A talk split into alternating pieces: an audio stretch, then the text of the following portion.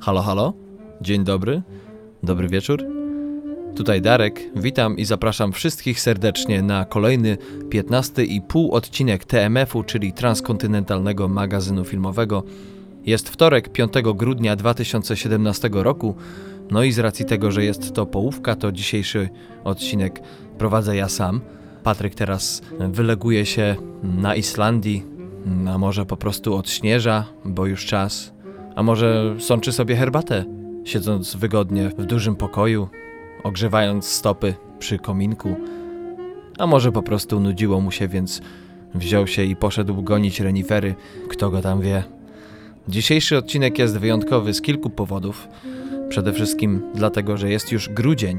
Sam nie mogę uwierzyć, że ten czas tak szybko poszedł, że jeszcze niedawno stałem w kuchni w szlafroku, zajadając masło orzechowe ze słoika i rozmawiałem z Patrykiem a propos tego, jak to spożytkować jego pasję dotyczącą kina, dotyczącą oglądania filmów i seriali.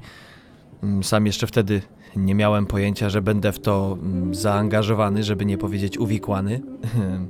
No a dzisiaj efektem tej rozmowy jest 31 łącznie odcinek, którego mam nadzieję macie przyjemność słuchać. Trochę tego czasu minęło. Mm, Ja nagrywam go ze swojego domowego studia na Brooklynie w Nowym Jorku, podczas gdy Patryk mieszka sobie póki co na Islandii.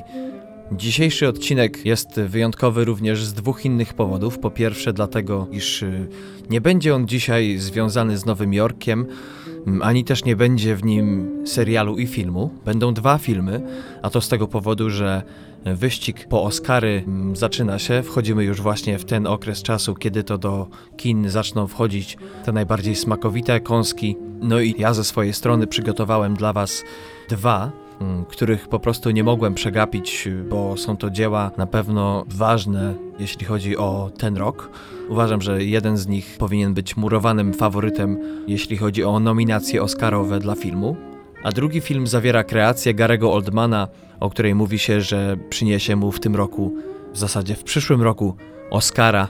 Także nie sposób było mi ich e, ominąć. No ale zanim do tego przejdziemy, to jeszcze trochę czasu minie. To będzie naszym głównym mięskiem dzisiejszego półodcinka. Nie będzie, tak jak wspomniałem, dziś nic o Nowym Jorku. No ale zawsze mogę się podzielić prywatą i lekko zreferować wam, co się u mnie dzieje, bo co na Islandii to już wiecie. Otóż yy, grudzień w Nowym Jorku nie jest taki straszny. W ogóle ta pogoda w tym mieście jest dość ciekawa. Lato w zasadzie kojarzy się tylko z dwiema rzeczami: z duchotą i zapachem śmieci. No a zima jest e, dość zaskakująca, bo oprócz zimnych temperatur jest bardzo wiele dni, kiedy to nawet w grudniu czy w styczniu człowiek może wyjść ze swojego mieszkania w podkoszulku i nie zmarznąć. Także tak to się dzieje teraz tutaj. Kiedyś dekady temu, kiedy Nowy Jork był uważany za najniebezpieczniejsze miasto na świecie, a przynajmniej w Stanach Zjednoczonych, jak się widziało kogoś w styczniu w podkoszulku, to albo był to piekarz, albo ktoś, kto po prostu stracił wszystko to, co miał na sobie, na rzecz sympatycznych chłopaków z pobliskiej ferajny. Mm, Oprócz tego oczywiście grudzień, domy towarowe robią wielkie halo odsłaniając swoje okna wystawowe z dekoracjami. Oczywiście gorąco jest w Stanach jeśli chodzi o politykę, bo to zresztą pewnie wiecie, zakładam, że się orientujecie. No ale dla tych, którzy się nie orientują tak dokładnie, no rzecz, którą się słyszy non-stop to oczywiście wojna o podatki. Teraz oprócz tego jeden z byłych współpracowników obecnego prezydenta przyznał się do kontaktów y, z Rosją w trakcie kampanii wyborczej. No i teraz y, cały Nowy Jork zaciera sobie ręce, życząc rychłego Auf Wiedersehen prezydentowi. Co ciekawe, Donald Trump, y, jak rozmawiałem ze znajomymi, którzy urodzili i wychowali się w tym mieście i są troszeczkę starsi ode mnie, jeszcze w latach 90. był bożyszczem Nowego Jorku. To wtedy brylował na salonach, w telewizji, ale także budował y, znakomitą część y, budynków na Manhattanie przez co jego nazwisko było bardzo pozytywną marką, no a teraz to wszystko się wiadomo odwróciło. No tak to jest, jak zamiast bawić się na swoim podwórku, człowiek wchodzi do polityki. I to tyle, jeśli chodzi o takie przyziemne sprawy. Zapraszam wszystkich, kochani, jeżeli jeszcze nie mieliście okazji do odsłuchania ostatniego 15 odcinka, kiedy to razem z Patrykiem opowiadaliśmy Wam o jednym z najlepszych debiutów, jeśli chodzi o kino amerykańskie w tym roku. Mowa tutaj oczywiście o filmie o dźwięcznej nazwie I Don't Feel at Home in This World Anymore, Macona Blaira. Informacje o tym filmie, a także o premierach, które mieliśmy w tamtym odcinku i innych rzeczach znajdziecie oczywiście na naszej stronie internetowej. Z tego miejsca chciałbym zaprosić wszystkich Was y, na naszą stronę www.tmfpodcast.com. Oprócz tego zapraszam na Facebooka TMF Podcast. Oprócz odcinków znajdziecie przede wszystkim newsy, które Patryk generuje, jak tylko pojawiają się, także zazwyczaj są one bardzo świeże wychodzą bardzo często jeszcze przed innymi serwisami. Oprócz tego ostatnio w zeszłym tygodniu mieliśmy dwie animacje krótkometrażowe, które bardzo Wam polecam. Były to naprawdę niesamowite produkcje, a zwłaszcza film który jest y, no, takim połączeniem dokumentu, troszeczkę właśnie jak w opisie incepcji i oczywiście animacji z zeszłego piątku, 1 grudnia. Oprócz tego oczywiście jesteśmy dostępni na wszystkich apkach, czy to macie telefon z systemem Android, czy też iPhone'a. Jesteśmy wszędzie, gdzie się tylko da. Pozdrowienia z tego miejsca dla naszych fanów również spoza Polski, bo ich przybywa. Mm, ostatnio naliczyliśmy się dość sporo osób z Australii, z Wielkiej Brytanii, Norwegii, y, oczywiście z Malezji. Tamta grupa nadal jest i to najbardziej liczna. Mm, nie wiedzieć czemu. No ale ostatnio przybyło nam mm, kilku fanów z Japonii. Zastanawiam się, czy to po prostu nasi rodacy, czy też y, Japonia, dowiadując się, że w przyszłorocznych Mistrzostwach Świata w piłce nożnej w Rosji zagra w grupie właśnie z Polską, zaczęła jakiś research. Zanim przejdziemy do premier, kochani, no to jeszcze krótkie wieści, jeśli chodzi o to, co się dzieje w kinach amerykańskich. Już wspomniałem na początku, że jest to dość ciekawy, gorący okres Wtedy to wydaje najwięcej pieniędzy na wizyty kinowe. No, jednym z filmów, który teraz robi wielką furorę z samym Rockwellem i z Frances McDormand, którą wcześniej mieliśmy przyjemność gościć w jednym z naszych półodcinków a propos serialu Olive Kitteridge. Mowa tutaj o filmie Three Billboards Outside Ebbing, Missouri, czyli trzy billboardy na obrzeżach Ebbing, Missouri. Podobno ich kreacje aktorskie są wyśmienite. Sam film świetnie skonstruowany. Oprócz tego e, nasz Loving Vincent Doroty Kobieli, o której mówiliśmy już wcześniej a propos tej animacji poklatkowej, która została namalowana od pierwszej do ostatniej klatki. Jest to pierwszy taki tego typu film na świecie. Radzi sobie naprawdę dobrze. Mm, pamiętam, że oprócz e, zachwytu nad techniką i samym pomysłem, słychać było wiele głosów, że e, jest to film nudny, że, że mało treści, więcej formy, ale na Rotten Tomatoes utrzymuje się bodajże 89%, e, jeśli chodzi o krytykę. Oprócz tego niedługo wchodzi do amerykańskich kin taki film jak I, Tonya z Margot Robbie, film, który być może przyniesie jej Oscara, a tak mi się wydaje, nominację Oscarową w tym filmie grała będzie oczywiście Tonya Harding, słynną byłą amerykańską łyżwiarkę figurową. Oprócz tego wchodzi The Post, e, film z Tomem Hanksem i Meryl Streep o dziennikarzach gazety Washington Post, e, która odkryła i pisała dość chętnie i namiętnie o przekrętach e, administracji amerykańskiej i fałszerstwach związanych Y, z informowaniem opinii publicznej a propos wojny w Wietnamie. A filmem, który ostatnio wdarł się przebojem nie tylko do amerykańskich kin, ale także na Rotten Tomatoes. Mowa tutaj o filmie Lady Bird Grety Gerwig, mm, aktorki, dla której ten film jest debiutem. Wcześniej widzieliśmy ją m.in. w takich filmach jak Jackie, czy odegrała główną bohaterkę w filmie Frances H., jest to film z Saoirse Ronan, dwukrotnie już nominowaną aktorką do Oscara, który to pobił rekord, jeśli chodzi o Rotten Tomatoes, ponieważ e, ma 100% pozytywnych recenzji krytyków od momentu otwarcia. Mm, no to tyle, kochani, jeśli chodzi o ten housekeeping. Troszeczkę może przeciągnięty, ale e, zaraz już żwawo przechodzimy do premier. Jeśli chodzi o premiery, które weszły do polskich kin w ostatni piątek 1 grudnia, to w ostatnim 15 odcinku Opisaliśmy Wam cztery, dokładnie od 16 e, minuty i 25 sekundy. Możecie sobie posłuchać o komedii co wiecie o swoich dziadkach, która nie ma się najlepiej, jeśli chodzi o krytykę, bo bodajże jest to 15%. Oprócz tego bardzo dobry dokument, który szczerze polecam, Nie jestem twoim murzynem.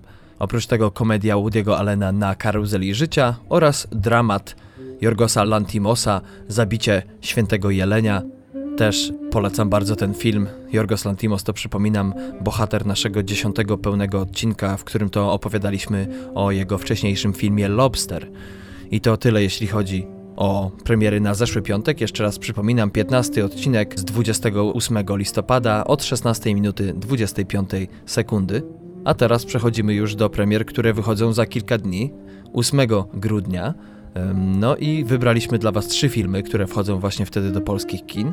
I pierwszym z nich jest to thriller akcji 24 godziny po śmierci produkcji RPA i Hongkongu. Polski tytuł, co ciekawe, może brzmieć no, lekko opacznie, mm, znając y, czasami y, radosną twórczość naszych tłumaczy, ponieważ oryginalny tytuł z angielskiego tłumaczy się 24 godziny życia, ale nie jest to do końca takie opaczne, ponieważ akcja tego filmu opowiada o płatnym zabójcy Travisie Konradzie, y, który nie boi się niebezpiecznych misji. Jego kolejna ma polegać na schwytaniu kobiety szpiega, czyli misja jak każda mogłoby się wydawać. Ale w trakcie tejże operacji kobiecie udaje się uciec, natomiast Travis zostaje postrzelony i to śmiertelnie. No ale jak to bywa, dzięki eksperymentalnej operacji powraca do świata żywych, ale tylko na 24 godziny. Stąd e, polski tytuł w zasadzie nie kłamie. Jak się jednak okazuje, to nie ta kobieta, jego morderczyni jest jego największym wrogiem, ale ludzie, którzy w międzyczasie dokonali morderstwa na jego żonie i dziecku i o zemstę łatwo jednak nie będzie, a czas, jak zwykle w takich przypadkach bywa, bynajmniej nie będzie sprzymierzeńcem naszego głównego bohatera. Premiera tego filmu miała miejsce 26 października tego roku w Kuwejcie. Jeśli chodzi o amerykańskie kina, to film ten wszedł w zeszły piątek. W ogóle trzeba powiedzieć, że film ten będzie miał dość ograniczoną dystrybucję, bo łącznie będzie to tylko 11 krajów. Za scenariusz odpowiedzialnych jest trzech panów. Pierwszy z nich to Zach Dean, który wcześniej znany jest ze scenariusza dramatu kryminalnego Deadfall w Potrzasku z 2012 roku z Ericiem Baną, Charlie Hanamem i Sissy Spacek w rolach głównych. Natomiast dwóch pozostałych panów zawsze pracuje razem, zdaje się, choć nie mają na swoim koncie zbyt wielu tytułów o których moglibyśmy coś wiedzieć, więc no jedynie popełnili wcześniej scenariusz do filmu animowanego Roboty z 2005 roku i to jest ich najbardziej znana produkcja. Za reżyserię odpowiada kompletny debiutant, jeśli chodzi o reżysera, natomiast jest to bardzo znany i e, wszędobylski, można powiedzieć, kaskader, były kaskader Brian Smars, o bardzo dźwięcznym nazwisku, ponieważ pisze się je dokładnie SMRZ. Wcześniej jako kaskader brał m.in. udział w takich filmach jak Raport Mniejszości, Mission Impossible czy Blade Wieczny Łowca. Główną rolę w tym filmie grają Paul Anderson, którego nasi słuchacze mogą znać z serialu Peaky Blinders, gdzie gra Artura Shelby'ego, a także z dramatu przygotowego Zjawa Alejandro Inarritu z 2015 roku z Oscarową rolą Leonardo DiCaprio. Partneruje mu Ethan Hawke, w tym roku widziany już w filmie akcji Luca Bessona Valerian i Miasto Tysiąca Planet, no, a także y, z dramatu biograficznego Modi, Aislinga Walsha z zeszłego roku, ale co prawda w tym roku i to nie tak dawno wszedł on do polskich kin. Mm, jest to film, który może, jak się to w kuluarach słyszy, przynieść nominację Oscarową dla Sally Hawkins. Natomiast w dzisiejszym filmie obu tym panom partneruje Rutger Hauer, legendarny aktor na swoim koncie ma już ponad 169 filmów co ciekawe, również w tym roku widziany był w filmie Luca Bessona Valerian i Miasto Tysiąca Planet. Tam zagrał prezydenta całej tej federacji. Natomiast e, chyba najbardziej znany jest ten człowiek z roli głównego wroga Ricka Decarda, czyli Roya Beatty'ego w legendarnym filmie Blade Runner Ridleya Scotta z 1982 roku. Czas trwania tego thrillera to 93 minuty. Drugim filmem jest pozycja polska, dramat dokładnie, reakcja łańcuchowa, który swój debiut miał 20 września podczas festiwalu polskich filmów fabularnych w Gdyni. Akcja reakcji łańcuchowej opowiada o Marcie, która ma wyjść za mąż za Adama, który pochodzi z bogatego domu, a w dodatku jest kompletnie zdominowany przez zaborczą matkę. Wkrótce jednak po ślubie sytuacja się komplikuje, kiedy to młodzi dowiadują się, że zaginęła była dziewczyna Adama. No i policyjne śledztwo, jak i nagonka dziennikarzy zaczną wkrótce uprzykrzać życie nie tylko małżonkom, ale ich bliskim przyjaciołom. No i właśnie wydarzenia będące następstwem przyjęcia urodzinowego dla Marty staną się zarzewiem tragicznych wydarzeń, a w atmosferze wzajemnych pomówień i oskarżeń nic nie będzie ani proste, ani takie, jakie mogłoby się na początku wydawać. Za ten bardzo ciekawie brzmiący scenariusz, a także za reżyserię odpowiedzialny jest Jakub Pączek, jeden z tych młodych polskich reżyserów, którzy dopiero wchodzą do pełnometrażowego kina. No i trzeba powiedzieć, że ma on na swoim koncie bardzo wiele wyróżnień i nagród, jeśli chodzi o mm, kino krótkometrażowe, a jego najbardziej znany film to 128 Szczur, film krótkometrażowy, który nie tylko był nominowany w e, konkursie kina młodego na festiwalu w Gdyni 4 lata temu, ale także zdobył Oscara, czyli Nagrody Polskiego Kina Niezależnego. Jeśli chodzi o obsadę, to rolę Marty gra tutaj Małgorzata Mikołajczak, wcześniej widziana w krótkim metrażu science fiction Smog w reżyserii Tomka Bagińskiego sprzed dwóch lat, a także w tym roku w dramacie Bikini Blue Jarosława Marszewskiego. Natomiast partnerujący jej Tomasz Włosok, który również wystąpił w filmie Bagińskiego Smog, wystąpił również w thrillerze psychologicznym Jestem mordercą Macieja Pieprzycy z 2016 roku ze świetną rolą Arkadiusza Jakubika, czy też w dramacie biograficznym Powidoki nieżyjącego już Andrzeja Wajdy z Bogusławem Lindą w roli głównej z zeszłego roku. Partneruje im Bartosz Gelner jako Paweł, operator filmowy, jeden z tych główniejszych bliskich przyjaciół naszej pary. Wcześniej Gelner widziany był w thrillerze romantycznym Sala Samobójców Jana Komasy sprzed 6 lat, a także w serialu Krew z krwi.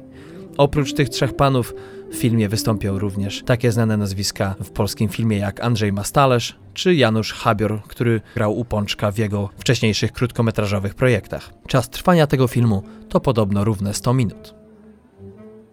No i ostatnim filmem, który wchodzi do polskich kin, a który chcielibyśmy Wam przedstawić, film, który jest zdaniem użytkowników Filmwebu najbardziej oczekiwanym filmem tego weekendu.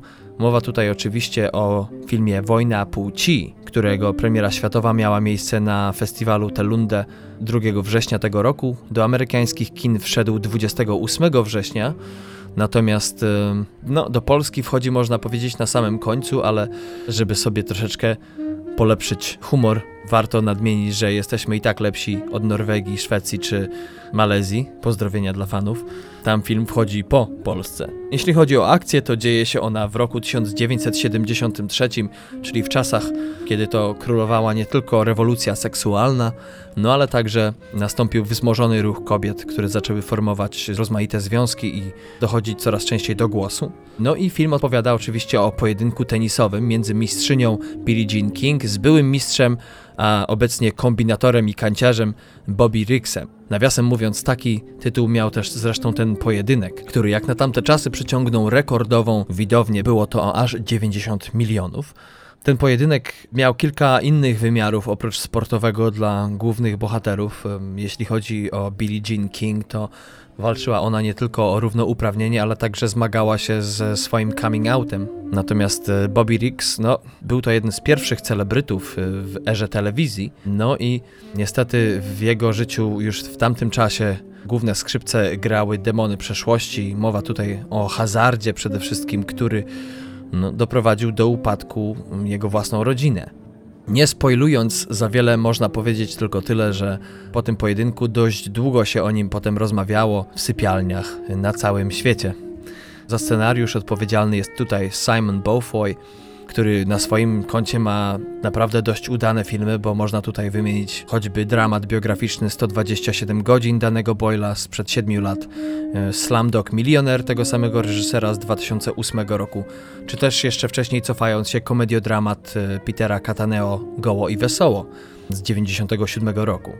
Za reżyserię tego filmu natomiast odpowiedzialne są dwie osoby, które zawsze reżyserują to samo. Mowa tutaj oczywiście o Valerie Ferris i Jonathanie Daytonie, którzy wcześniej popełnili takie filmy jak Mała Miss z 2006 roku, gdzie mieli już okazję współpracować ze Steve'em Carellem, a także Ruby Sparks z roku 2012 roku z Zoe Kazan, znaną choćby z pierwszej części House of Cards. Jeśli chodzi o obsadę, to Billie Jean King gra tutaj Emma Stone, ostatnio widziana w, można powiedzieć, wielkim przegranym zeszłorocznego rozdania Oscarów, czyli w komediodramacie La La Land Damiana Chazela, gdzie partnerowała Ryanowi Goslingowi. Wystąpiła również komediodramacie Nieracjonalny mężczyzna Woody'ego Allena z 2015 roku z Joaquinem Phoenixem. Bobby Riggsa natomiast zagra tutaj Steve Carell, legendarny już Michael Scott z serialu Bureau, The Office, który jednak po celowym odejściu z tego serialu zaczął coraz więcej pojawiać się na dużym ekranie. No i jeśli chodzi o jego ostatnie wyczyny, to można tutaj wymienić takie filmy jak komedie Śmietanka towarzyska Woody'ego Allena z zeszłego roku, dramat biograficzny The Big Short Adama McKeya.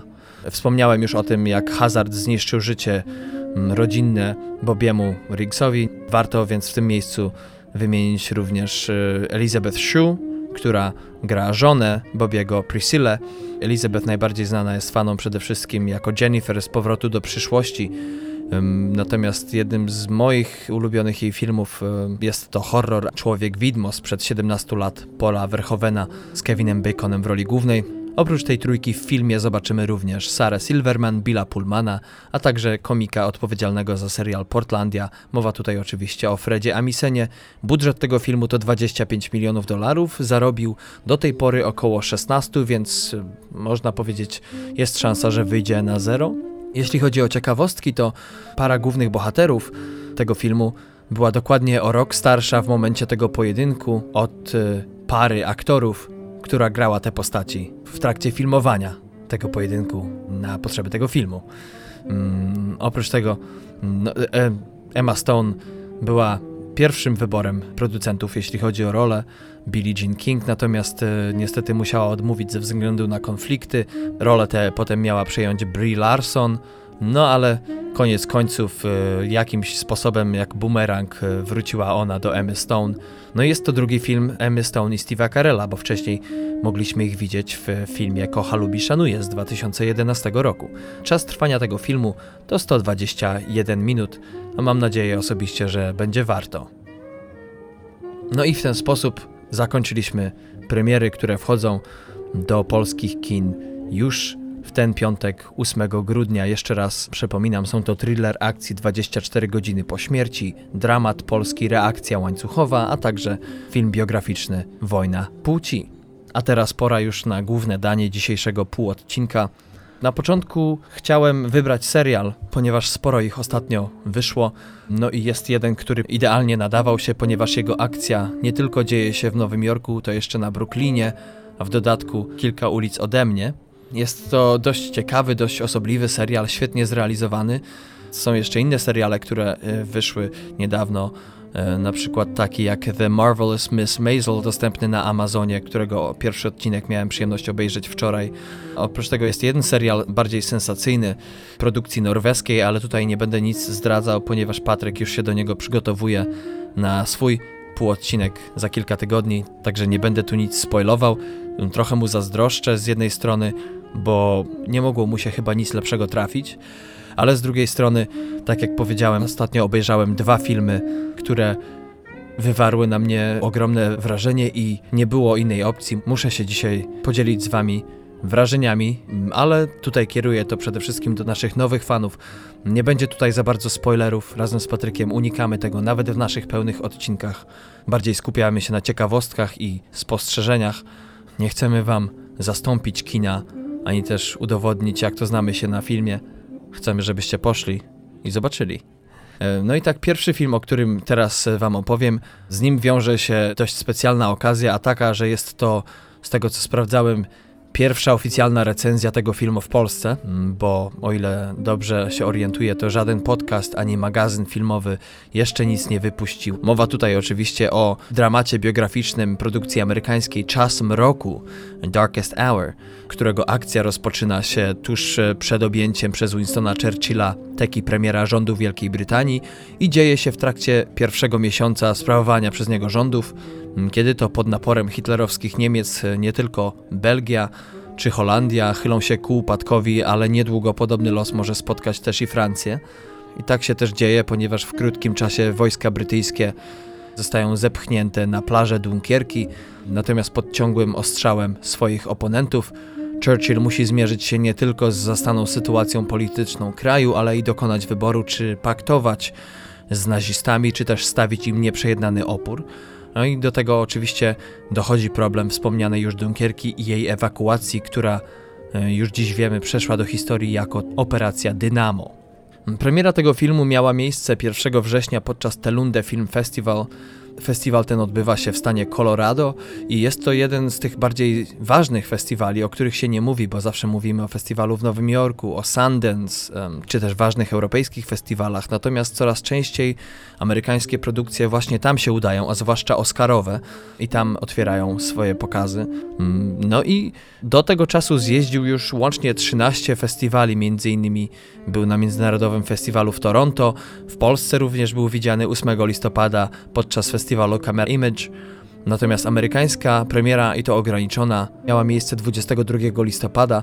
Mm, film ten jest dostępny bodajże tylko w dwóch kinach w Nowym Jorku i w Los Angeles. Natomiast e, polska premiera to dopiero 26 styczeń 2018 roku. Mm, jeśli chodzi o box office, to film ten zarobił około 274 tysięcy dolarów, z czego 175 w weekend otwarcia, ale tak jak powiedziałem, są to tylko 4 kina, także na prawdziwe prognozy trzeba sobie jeszcze trochę poczekać.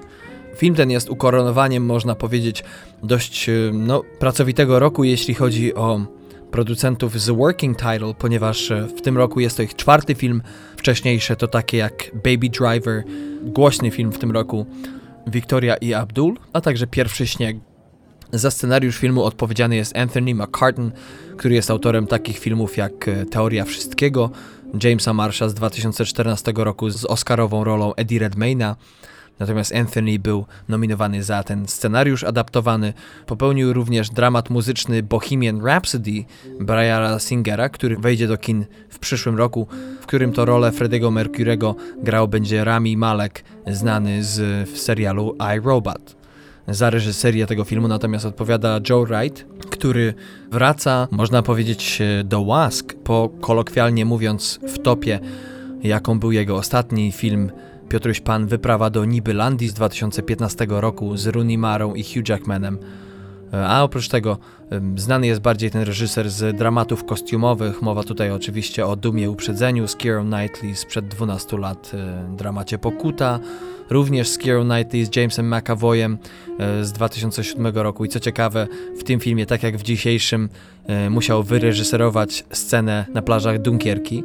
Natomiast w 2012 roku miał okazję współpracować z producentami dzisiejszego filmu. Mowa tutaj o dramacie także kostiumowym Anna Karenina, także z Kira Knightley, oprócz tego z Judem Law. I to tyle, jeśli chodzi o reżyserów. Jeśli chodzi o aktorów, natomiast, jak już na początku wspomniałem, być może jest to Oscarowa kreacja Garego Oldmana, który oczywiście grał Winstona Churchilla. Yy, wcześniej, co ciekawe, ten genialny brytyjski aktor nominowany był do Oscara tylko raz za e, thriller szpiegowski Szpieg z 2011 roku. Oprócz tego znamy go oczywiście jako komisarza Gordona z mm, filmów o Batmanie The Dark Knight i The Dark Knight Rises. Natomiast w tym roku partnerował mm, Ryanowi Reynoldsowi i Samuelowi L. Jacksonowi w komedii akcji Bodyguard zawodowiec Patryka Hughesa, który również gościł w polskich kinach. Żonę Winstona Churchilla natomiast gra Kristen Scott Thomas, która również miała wcześniej okazję być nominowaną do Oscara. Mowa tutaj o angielskim pacjencie Antony Migueli z 1996 roku z Rayem Fiennesem. Oprócz tego wystąpiła w Gosford Park Roberta Altmana z 2001 roku. Możecie ją znać również z dramatu kryminalnego Nicolasa Windina Refna Tylko Bóg wybacza z 2013 roku z Ryanem Goslingiem. No a rolę stenotypistki w tym filmie Elizabeth Layton gra Lily James, którą widzieliśmy w Baby Driverze jako Debre. Znana jest również z miniserii Wojna i Pokój, a także z serialu Downton Abbey, gdzie gra Lady Rose McClare. Także to tyle, jeśli chodzi o głównych bohaterów, e, osoby, które mają jakby tego czasu ekranowego najwięcej, mm, ale nie sposób tutaj nie wspomnieć również Bena Mendelssohna, który gra króla Jerzego VI, czy Stevena Delana, który gra Lorda Halifaxa, głównego przeciwnika Winstona Churchilla, a także bliskiego przyjaciela króla. Jeśli chodzi o ten film, to cóż mogę powiedzieć? Może najpierw skoncentruję się na kreacji aktorskiej Garego Oldmana. Przeszedł tu samego siebie w tym filmie. Począwszy od e, wyglądu. Mm, Gary wcześniej współpracował z pewnym specjalistą od protetyki, który e, już skończył swoją drogę zawodową, jeśli chodzi o film, ale mm, dla Garego zgodził się wrócić i po wielu, wielu próbach właśnie stworzył, można powiedzieć, postać Winstona Churchilla, który wygląda bliźniaczo podobny do prawdziwego. Gary Oldman, pytany o sposób przygotowania się do tej roli, nie odkrył Ameryki, ale powiedział, że oprócz studiowania biografii znanego polityka, mm, bazował również na wielu materiałach archiwalnych, y, natomiast co ciekawe, nie bazował na grze aktorów, którzy zdążyli się już wcielić w postać Churchilla. Gdyby tak, to miałby naprawdę dość niesamowitą, pokaźną bazę danych, ponieważ do tej pory, tak jak ja naliczyłem, to Winstona Churchilla tylko w filmach fabularnych zagrało już 36 aktorów, z czego dwóch Polaków, a w serialu The Crown teraz gra go oczywiście John Lithgow. Był to dosyć y, intensywny okres trzech miesięcy dla Garego Oldmana, ponieważ ze względu na to, iż musiał założyć protetykę, cały ten kostium nie ograniczało się tylko do twarzy, ale też do tułowia. Y, musiał być pierwszy na planie, no ostatni w hotelu, y, przez co reżyser dzisiejszego filmu Joe Wright nie widział Garego Oldmana na planie przez trzy miesiące, widział tylko Winstona Churchilla. Jak wspomina sam aktor, chodzenie w tym całym kostiumie wywierało dość ciekawy wpływ na ludzi pracujących przy tym filmie. Tutaj budzi to skojarzenia oczywiście z Danielem Dayem Lewisem, który kilka lat temu zagrał e, postać Abrahama Lincolna i znany ze swoich metod pracy Daniel Day-Lewis um, kazał wszystkim na planie i poza nim zwracać się do niego w trakcie kręcenia zdjęć i przygotowywania się do filmu per Panie Prezydencie. Natomiast Gary nie miał takich życzeń, co jednak e, nie przeszkodziło ekipie w usuwaniu się e, w kąt, kiedy Winston przechodził przez e, wąskie korytarze bunkra. Oldman śmieje się z tego, że często jak mijał swoich współpracowników, to słyszał za nim Good morning, sir. Albo po prostu sir, kiedy ustępowali miejsca fikcyjnemu na planie pierwszemu lordowi admiralicji. Zapytany o to, jak się czuł, kiedy stawał przed lustrem i zamiast siebie widział Churchilla, odpowiedział, że było to bardzo wyzwalające, ponieważ każdy aktor musi zaakceptować to, jak brzmi, jak wygląda na ekranie. Mm, no i Oldman, jak wspomina sam, zdaje się często dostrzegać rzeczy, które jeszcze by zmienił w sobie, więc nie do końca jest za pan brat z samym sobą. Mm, no ale w tym momencie, patrząc na Churchilla, dało mu to pole do popisu, umożliwiło to jego wyobraźni stworzenie tego, czego stworzył, stworzenie tej wspaniałej kreacji. Sama żona Rodmana śmiała się, że przez cały ten okres szła spać z Winstonem Churchillem, a budziła się z Gary Oldmanem. Jeśli chodzi o ukazanie Churchilla w filmie, to przede wszystkim przez większość, przez pierwsze no, dwie trzecie filmu ukazany jest y, jako lekko fajtłapowaty choleryk o optyce nieco zamglonej, mm, już nawet nie ogromną, a imponującą ilością alkoholu, którą spożywał. Tutaj trzeba dodać, że miał on dosyć hmm, osobliwe menu jeśli chodzi o to, co spożywał, bo do posiłków obowiązkowo musiał być szampan, natomiast w przerwach była to whisky z wodą sodową. No i często tak właśnie sobie pracował ten znany polityk do czwartej rano. Zresztą w tym filmie nie ma sceny praktycznie, w której widzielibyśmy go bez drinka w ręce, co odpowiada temu, kim tak naprawdę był czym odznaczał się Winston Churchill, bo rzeczywiście był to człowiek, który nie był to, e, tak jak myślimy czasami o Brytyjczykach, flegmatyk. Mm, no i rzeczywiście musiał mieć żelazne zdrowie, bo za kołnierz bynajmniej nie wylewał. Ale co trzeba powiedzieć, Oldman bardzo świetnie oddaje tutaj humor i, i taką ludzką stronę tego polityka.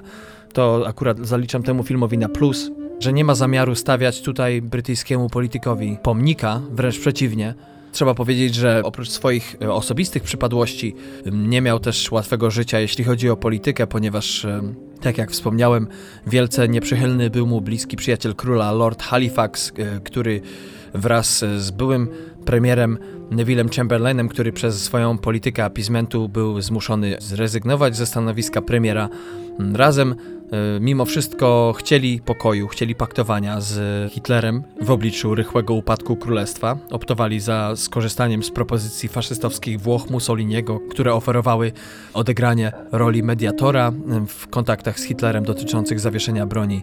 Zwłaszcza Halifax, jak i opozycja wytykała Churchillowi nieracjonalność, zbytnią brawurę, brak wyczucia, Tutaj cały czas ciągnie się za nim, mm, no chyba jego największa porażka, jeśli chodzi o całą historię politykowania. Mowa tutaj oczywiście o kampanii Gallipoli, która trwała od lutego 1915 roku do stycznia 1916. Pokrótce można nakreślić sytuację. Chodziło o odciągnięcie Turcji od koalicji z Niemcami. Rząd Wielkiej Brytanii mm, jednak nie wysłał tyle wojsk, ile chciał właśnie pierwszy lord admiralicji, choć ten i tak wysłał dodatkowe posiłki marynarki wojennej, którą rządził. No i początkowa przewaga została szybko skruszona przez złą pogodę, a także brak zdecydowania dowódców, dodając do tego jeszcze miny wodne.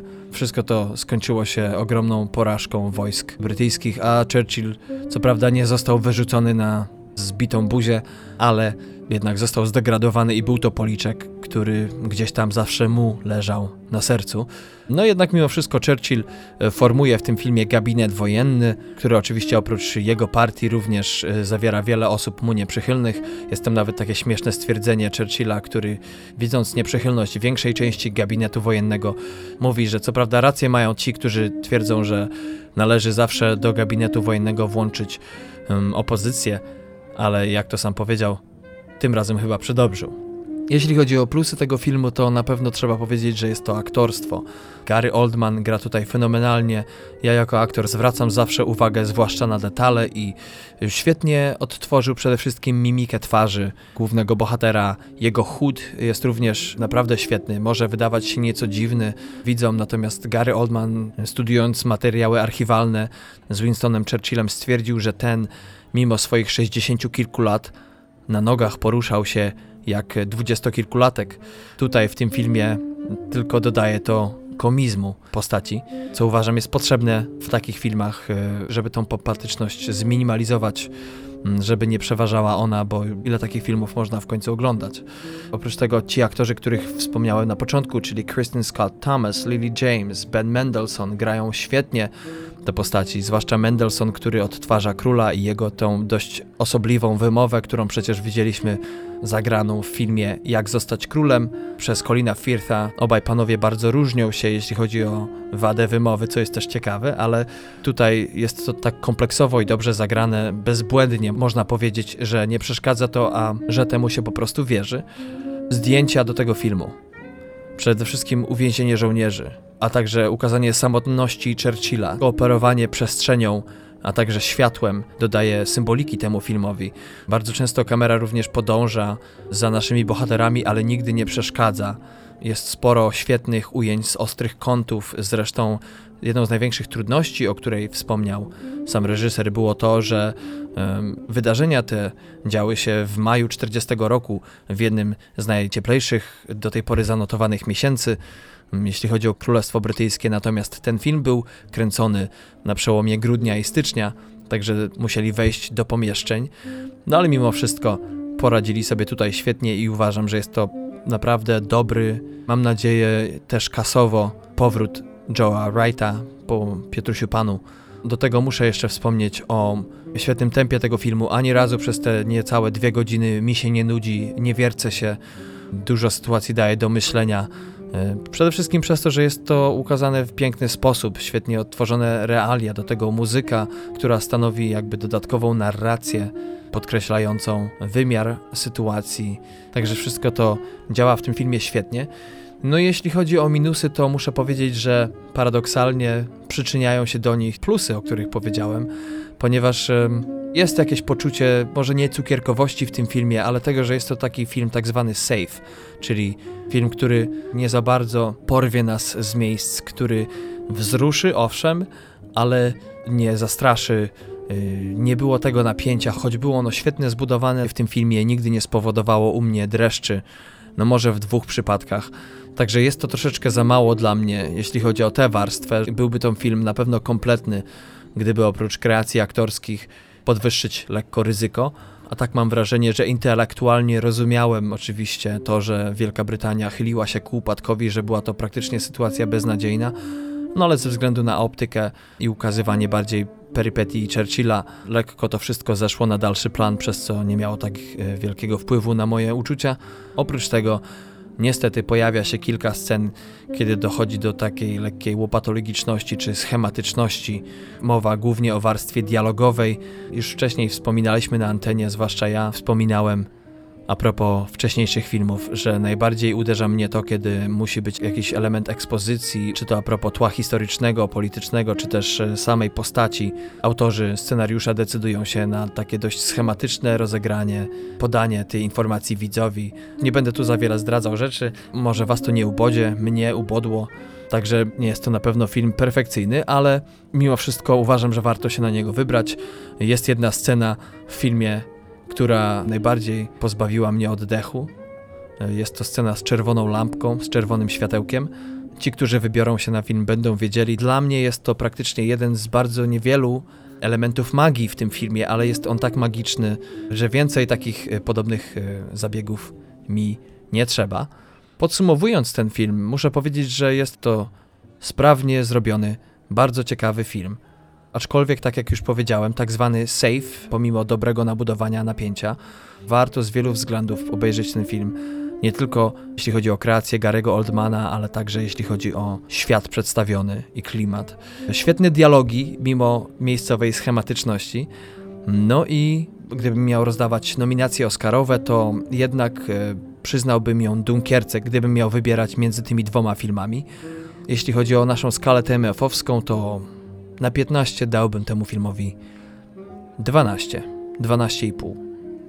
Czas trwania to dwie godziny. Jeszcze raz przypominam, czas mroku z angielskiego Darkest Hour, dramat biograficzny produkcji amerykańskiej Joa Wrighta z Gary Oldmanem w roli głównej. I o ile w przypadku tego filmu miałbym problemy z przyznawaniem mu nominacji Oscarowej za film, tak z drugim filmem, o którym Wam dzisiaj opowiem, no w tym przypadku ta nominacja po prostu się należy, chyba że filmy, które mają wyjść, okażą się tak fenomenalne, że nie będzie dla niego miejsca, ale osobiście powiem, że będę bardzo rozczarowany, jeśli nie zobaczę go na rozpisce. Film, o którym mówię, to oczywiście Mudbound, dramat amerykański, który oprócz e, bardzo limitowanej dystrybucji w Stanach Zjednoczonych jest dostępny póki co tylko na Netflixie. I ze swoich sprawdzonych źródeł, e, dziękuję Ci Eliza, Wiem, że ten film dostępny jest i to z lektorem bodajże, o ile się nie mylę. Akcja tego filmu opowiada o dwóch mężczyznach, którzy wracają do domu po zakończeniu II wojny światowej. No i dom ten znajduje się w stanie Missouri w środkowych Stanach Zjednoczonych. Co ciekawe, to co podają producenci a propos tej akcji jest tylko częścią prawdy, ponieważ e, oprócz tego, że mamy dwóch głównych bohaterów, to oprócz tego ich rodziny jedna czarnoskóra, a jedna biała, żyją obok siebie przez te wszystkie lata mm, wojny, kiedy naszych głównych bohaterów nie ma w domu i dzięki temu y, mamy też okazję uczestniczyć w ich życiu i być świadkami tego, jak sobie radzili nie tylko z trudną pracą na roli, ale też jak wyglądała może nie ich współpraca, ale ich współistnienie. Premiera tego filmu miała miejsce 21 stycznia tego roku na festiwalu w Sundance. Oprócz tego zjeździł on główne festiwale e, na zachodniej półkuli, bo mowa tutaj o festiwalu międzynarodowym w Toronto, w Chicago, oprócz tego festiwale w Londynie i w Nowym Jorku.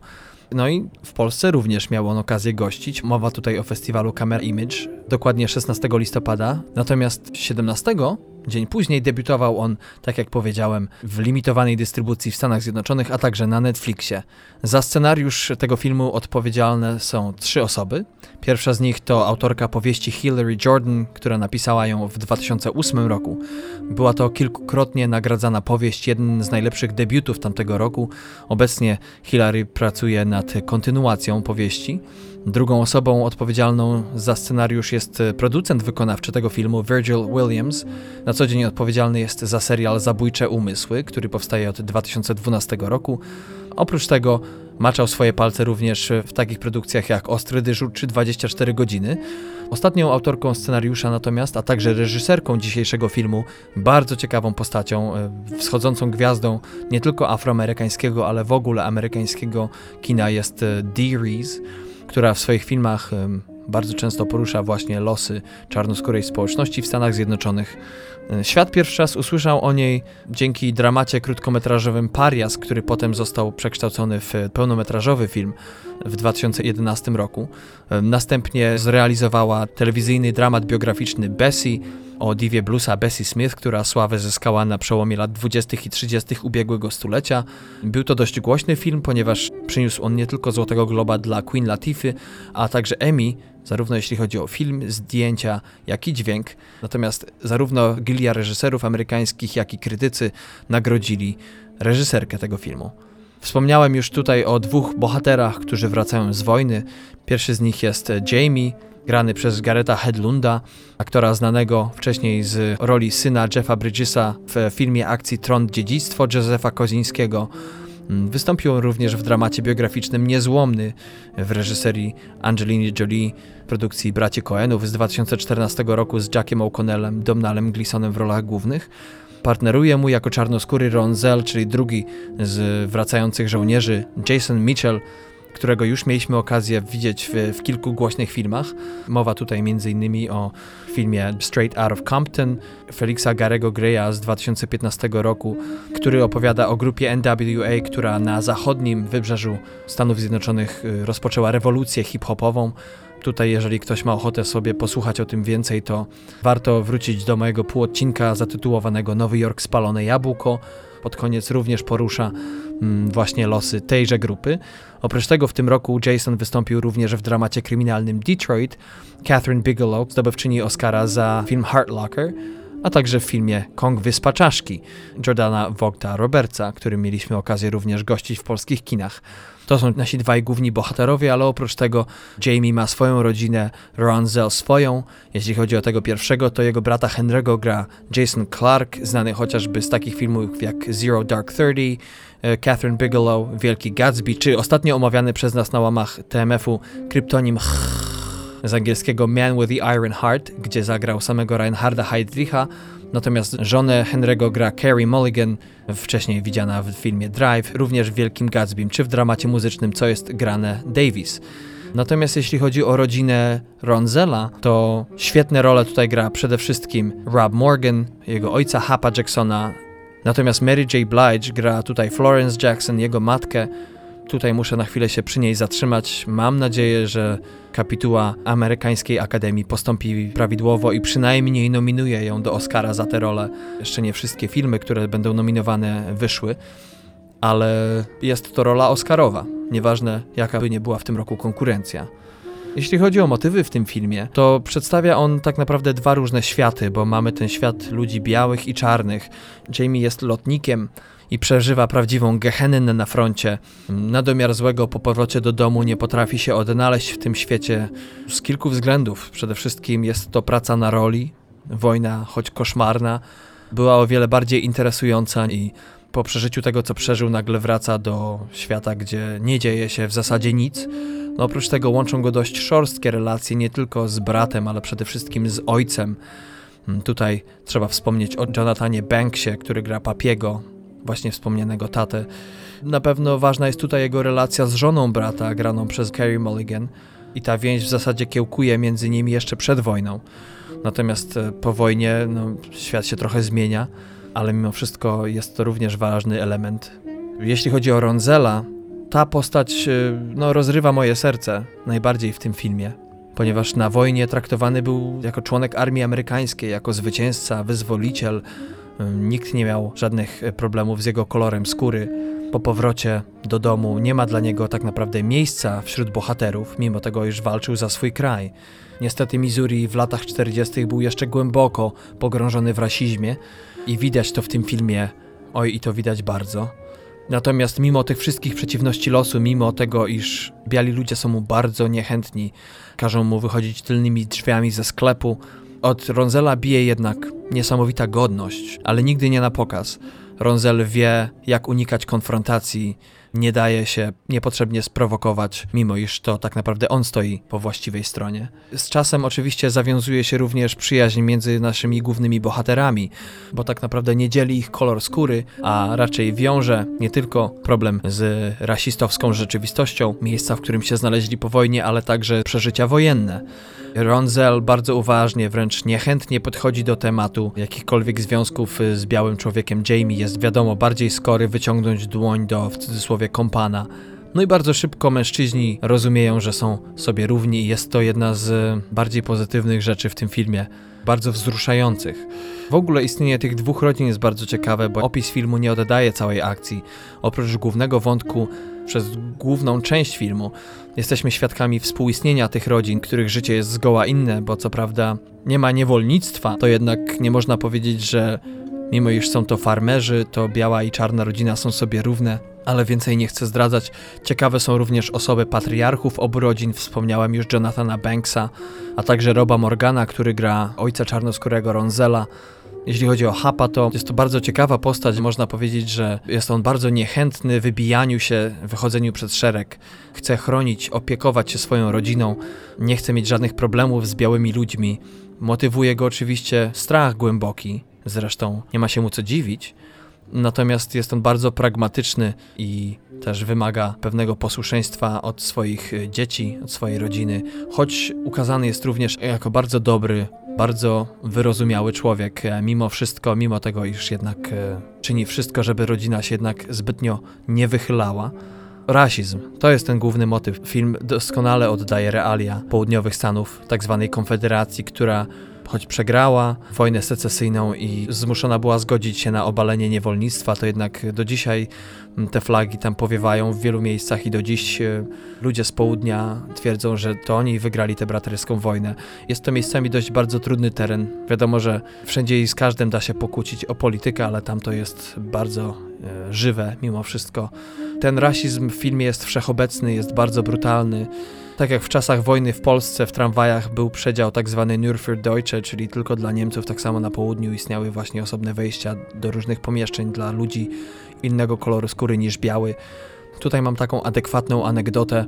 Otóż po obejrzeniu tego filmu żona powiedziała mi na spacerze, zwykła w latach 60., 70. i tak dalej odwiedzać często Nowy Orlean, skąd pochodziła jedna z jej babć i któregoś razu rodzina stanęła w kolejce po lody, natomiast e, siostra mamy mojej żony wskazała palcem na drugą kolejkę i zapytała się, a co to za kolejka? Ktoś jej odpowiedział, że e, to y, kolorowa kolejka. Po czym ciotka mojej żony z radością przeszła do tej drugiej kolejki i stwierdziła, że a, skoro kolorowa, to pewnie lody będą lepsze. E, nie zdając sobie sprawy tak naprawdę o co chodziło. Także do dziś ciężko jest uwierzyć, że takie podziały istniały, ale z tego co słyszę tu i ówdzie są jeszcze miejsca, gdzie może tego już nie widać gołym okiem, ale mimo wszystko tereny te spowite są jeszcze dość głęboko zakorzenioną, nazwijmy to separacją rasową. Jedna z mocniejszych scen w tym filmie to na pewno sceny wojny, ale także scena z Ku Klux Klanem i tylko tyle powiem na ten temat. Początkowo on zaczyna się wolno i przez pewien czas, e, przez pewien okres nie wiadomo gdzie ten film pójdzie. Natomiast muszę powiedzieć, że druga część tego filmu jest po prostu wybitna i dzięki niej stwierdzam szczerze z ręką na sercu, że jest to najlepszy film, jaki w tym roku obejrzałem.